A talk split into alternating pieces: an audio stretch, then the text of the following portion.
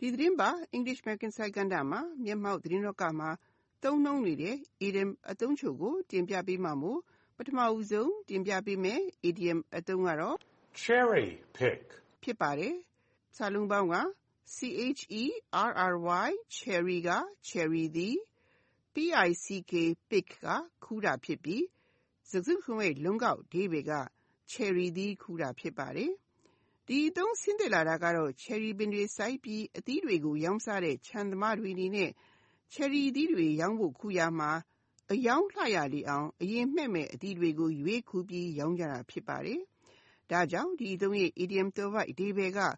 ကိုယ့်အကြိုက်ကို ကိုယ်ရွေးထုတ်တာ ဖြစ်ပါတယ်။ကျမတို့မြန်မာမှာ အနီးစပ်ဆုံးကတော့ ကိုယ်ကြိုက်တာကို ကောက်သိမ်းကောက်ယူတာနဲ့တူပြီး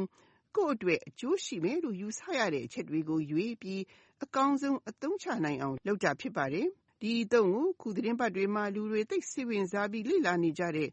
2016အမေရိကန်သမ္မတရွေးကောက်ပွဲမှာရုရှားရဲ့ကြားဝင်ဆွတ်ဖက်မှုရှိမရှိနဲ့သမ္မတ Donald Trump နဲ့ရုရှားပူးပေါင်းကြံစည်ခဲ့ခြင်းရှိမရှိကိုနှစ်နှစ်နီးပါးကြာစုံစမ်းမှုကိုဦးဆောင်ခဲ့တဲ့ဥပဒေအထူးကြံပေး Robert Mueller ရဲ့စာမျက်နှာ400ကျော်အစီရင်ခံစာကိုတည်ဖြတ်ပြီး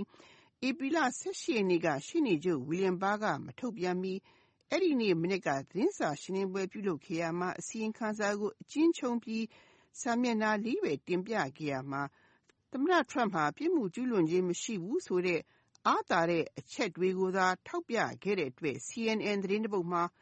Four times Barr twisted and cherry-picked Mueller's report ရှေ့နေချုပ် Barr က Mueller ရဲ့ အစီရင်ခံစာနဲ့ ပတ်သက်လို့ ထုတ်ပြန်ချက်မှာ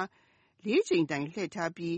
သူ့အကြိုက်အကျိုးရှိမယ့် အချက်တွေကိုပဲ ရွေးထုတ်တင်ပြခဲ့တယ်လို့ ရေးသားခဲ့တာ ဖြစ်ပါတယ်။ဒီအသုံးနဲ့ ပတ်သက်လို့ George ကိုပေးတဲ့ ဥပမာကို လေ့လာကြည့်ကြရအောင်ပါ။ Jane spent her time trying to cherry pick the best deals before buying a new car. Jane က မော်တော်ကားသစ်ဝယ်ရာမှာ အတန်ဆုံးဈေးတွေကို နှိုင်းယှဉ်ပြီး အချိန်အကုန်ခံပြီးစူးစမ်းရွေးချယ်ခဲ့တယ်လို့ အဓိပ္ပါယ်ရပါတယ်။ဥပမာကို နောက်တစ်ခေါက် လေ့လာကြည့်ကြရအောင်ပါ။ Jane spent her time trying to cherry pick the best deals before buying a new car. ခု ဒုတိယ တင်ပြပေးမယ် idiom အသုံးကတော့ Rope in ဖြစ်ပါတယ်။စာလုံးပေါင်းက rope rope in rope in ဟာဒီနေရာမှာ ကရိယာ verb အဖြစ် သုံးထားတာဖြစ်ပြီး ကြိုးကွင်းနဲ့ပြစ်ဖမ်းတဲ့သဘောမျိုး တိုက်ရိုက်အဓိပ္ပာယ်ရပါတယ်။ဒီအသုံးရဲ့ idiom သွယ်ဝိုက်အဓိပ္ပာယ်က နေ့စဉ်ဘဝမှာ တခုခုပြုလုပ်ဖို့ ဆွဲဆောင်တာ တခုခုမှာ ပါဝင်ပတ်သက်လာအောင်လုပ်တာ အကျုံးဝင်အောင် ဆွဲထည့်တာမျိုး ဖြစ်ပါတယ်။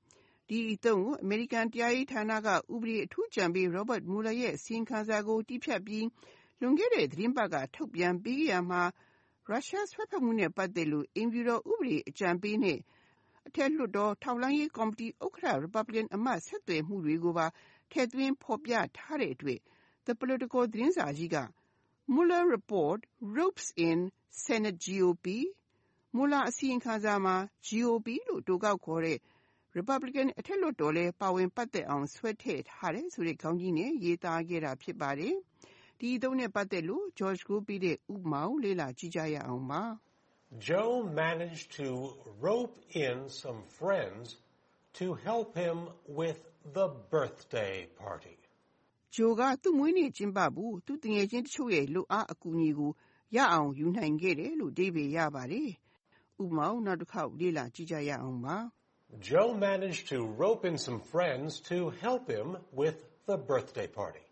ခုနောက်ဆုံးတင်ပြပေးမယ် idiom အသုံးကတော့ Slip of the tongue. ဖြစ်ပါတယ်။စာလုံးပေါင်းက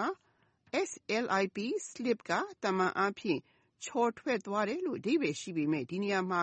အပြောနဲ့ဆိုင်တဲ့အတွက်ကြောင့်မှားတယ်လို့အဓိပ္ပာယ်ယူရမှာဖြစ်ပါတယ်။ tongue တန်ကရှာဖြစ်ပြီးစကားစုတခုလုံးရဲ့လုံးကောက်အဓိပ္ပာယ်က ရှာရဲ့အမှားဖြစ်ပါတယ်။ idiom သွယ်ဝိုက်အဓိပ္ပာယ်ကလည်း ရှင်းပါတယ်။ကျမတို့ မြန်မာဘန်းစကားအရဆိုရင်တော့ နှုတ်ကနေ မတော်တဆ မှားထွက်သွားတာ တခါတရံလဲ ယောင်ပြောမိလိုက်တာမျိုး ဖြစ်ပါတယ်။ဒီအသုံးကို ပြီးခဲ့တဲ့သတင်းပတ်က ထုတ်ပြန်ခဲ့တဲ့ ဥပဒေအထူးကြံပေး Robert Mueller ရဲ့ အစီရင်ခံစာမှာ ဖော်ပြထားတဲ့ အချက်တွေကို လေ့လာရမှာ သတင်းမီဒီယာတွေ ထောက်ပြကြတဲ့ အချက်တွေနဲ့တစ်ခုကတော့ အိမ်ဖြူတော်ပြောခွင့်ရ Sarah Sanders က2019မေလက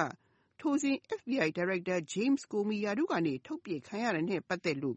FBI အမှုထမ်းအတော်များများက ထောက်ခံခဲ့တာ တွေ့ရတယ်လို့ သတင်းထောက်ရဲ့ အမေးကို ဖြေခဲ့စဉ်က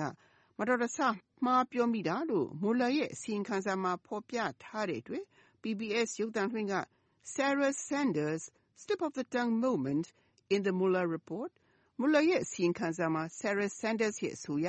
သူယောင်ပြီး ပါးစပ်က မှားပြောမိတယ်ဆိုတဲ့အချက်ကို ထောက်ပြထားတယ်ဆိုတဲ့ခေါင်းကြီးနဲ့ရေးသားခဲ့တာဖြစ်ပါတယ်။ဒီအသုံးနဲ့ပတ်သက်တဲ့ဥပမာကိုလေ့လာကြည့်ကြရအောင်ပါ။ I am sorry to call you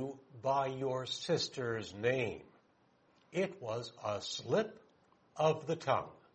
ခင်များကိုခင်များအမနာမည်နဲ့မှားပြီးခေါ်မိတာကျွန်တော်တောင်းပန်ပါတယ်။အဲ့ဒါပါးစပ်ကယောင်ပြီးထွက်သွားတာပါလို့အဓိပ္ပာယ်ရပါတယ်။ဥပမာကိုနောက်တစ်ခေါက်လေ့လာကြည့်ကြရအောင်ပါ။